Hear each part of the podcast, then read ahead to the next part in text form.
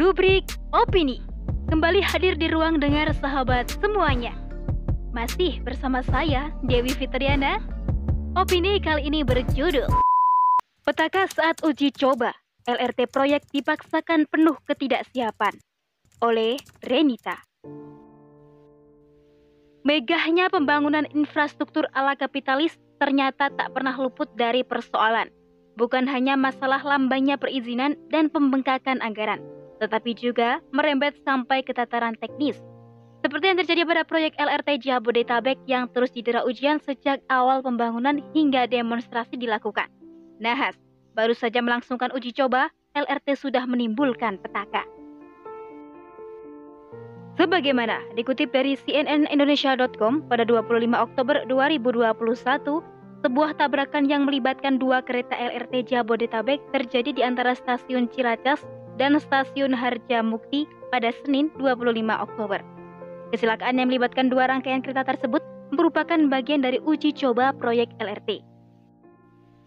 Disinyalir, kecelakaan ini terjadi karena adanya human error dalam kejadian ini, satu orang masinis pun menjadi korban dan sempat dilarikan ke rumah sakit.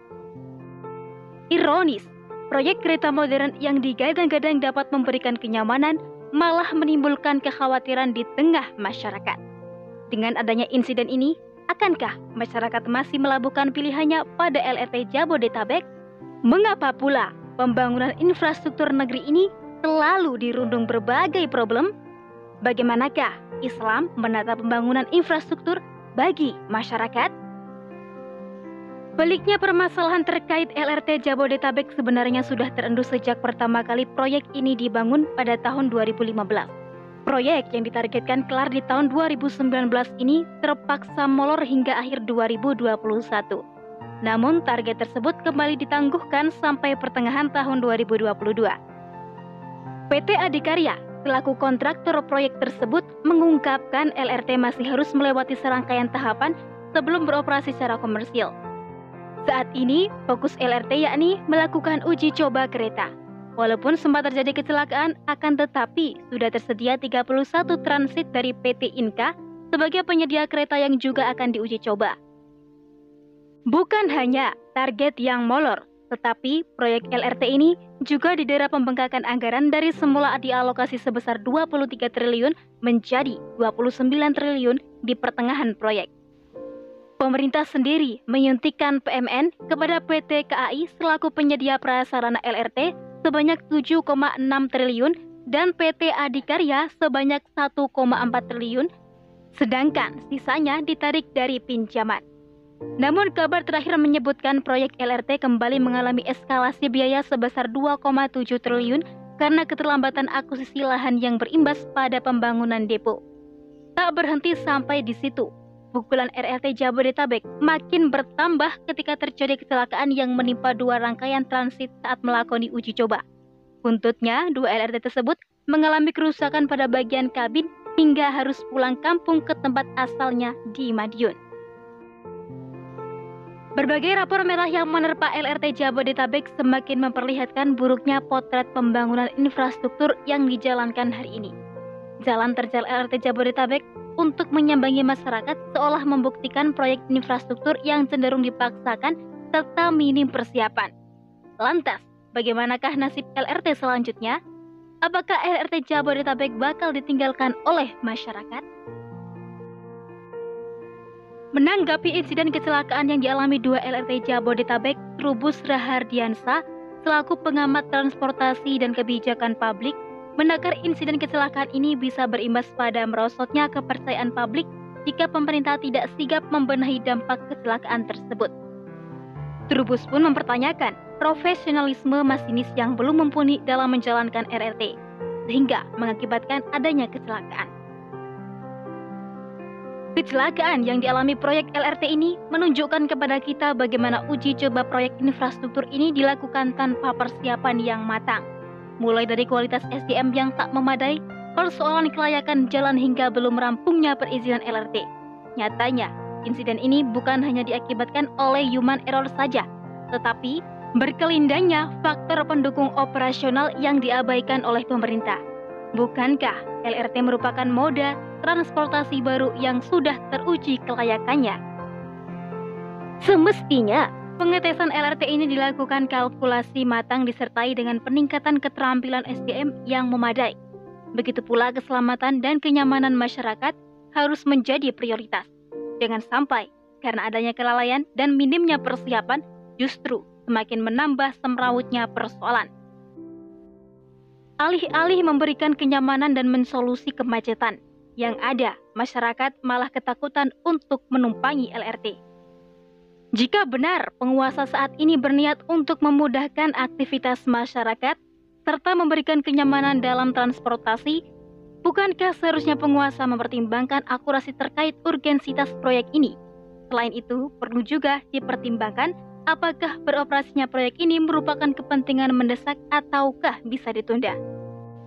Bukan malah tergesa-gesa menggelar uji coba tanpa memikirkan terpenuhinya prasyarat penumpang yang lain. Sungguh miris memang, jika karena adanya kecelakaan ini justru malah membuat LRT Jabodetabek bernasib sama seperti LRT Palembang yang kini sepi dari penumpang.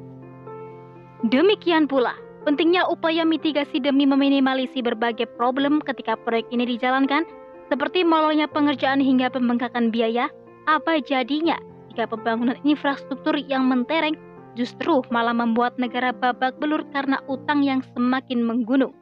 Karena pada faktanya, setiap proyek infrastruktur pasti dialiri dari dua sumber anggaran, entah itu modal negara atau pinjaman dari kantong para elit kapitalis. Kenyataannya, pembangunan infrastruktur apa pun tak pernah bisa mensolusi permasalahan rakyat ketika negeri ini masih berkiblat pada sistem kapitalis. Sebab pembangunan infrastruktur ala kapitalis hanya menomorsatukan kepentingan para pengusaha Sedangkan kepedulian penguasa pada rakyat hanyalah retorika belaka. Wajar pengaturan pembangunan infrastruktur begitu kacau balau. Dalam Islam, infrastruktur diartikan sebagai fasilitas umum yang menjadi hajat hidup semua masyarakat, termasuk di dalamnya listrik, air bersih, dan lainnya. Begitu pula jalan raya, udara, laut, termasuk alat transportasi merupakan fasilitas umum yang tak boleh dimonopoli oleh individu. Semua ini wajib difasilitasi oleh negara karena dibutuhkan oleh seluruh rakyat. Penggunaannya pun tanpa dipungut biaya atau gratis.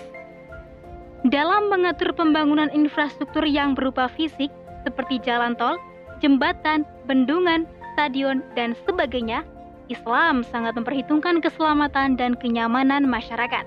Mempersiapkan perencanaan dengan matang dengan mitigasi optimal yang melibatkan SDM yang mumpuni sehingga pembangunannya akan memberikan pengaruh positif bagi masyarakat, tidak tergesa-gesa atau terkesan dipaksakan. Lantas, dari manakah sumber pembiayaan pembangunan infrastruktur dalam negara Islam? Dalam buku Politik Ekonomi Islam karya Abdurrahman Al-Maliki disebutkan, strategi pembiayaan infrastruktur dalam khilafah akan mempertimbangkan tingkat kebermanfaatan proyek tersebut bagi umat. Apakah ketiadaan infrastruktur ini menimbulkan mudarat bagi umat atau tidak. Jika mendatangkan kerusakan, maka diperlukan pengkajian apakah kas negara mencukupi atau tidak. Jika kas negara kosong sedangkan infrastruktur ini merupakan kebutuhan umat, maka pembangunan proyek infrastruktur ini akan dibebankan kepada kaum muslimin. Al-Alama Sheikh Abdul Al-Qadim Zalum dalam kitabnya Al-Amwal fi Daulah Al-Khilafah menjabarkan Tiga strategi pembiayaan pembangunan infrastruktur khilafah adalah sebagai berikut.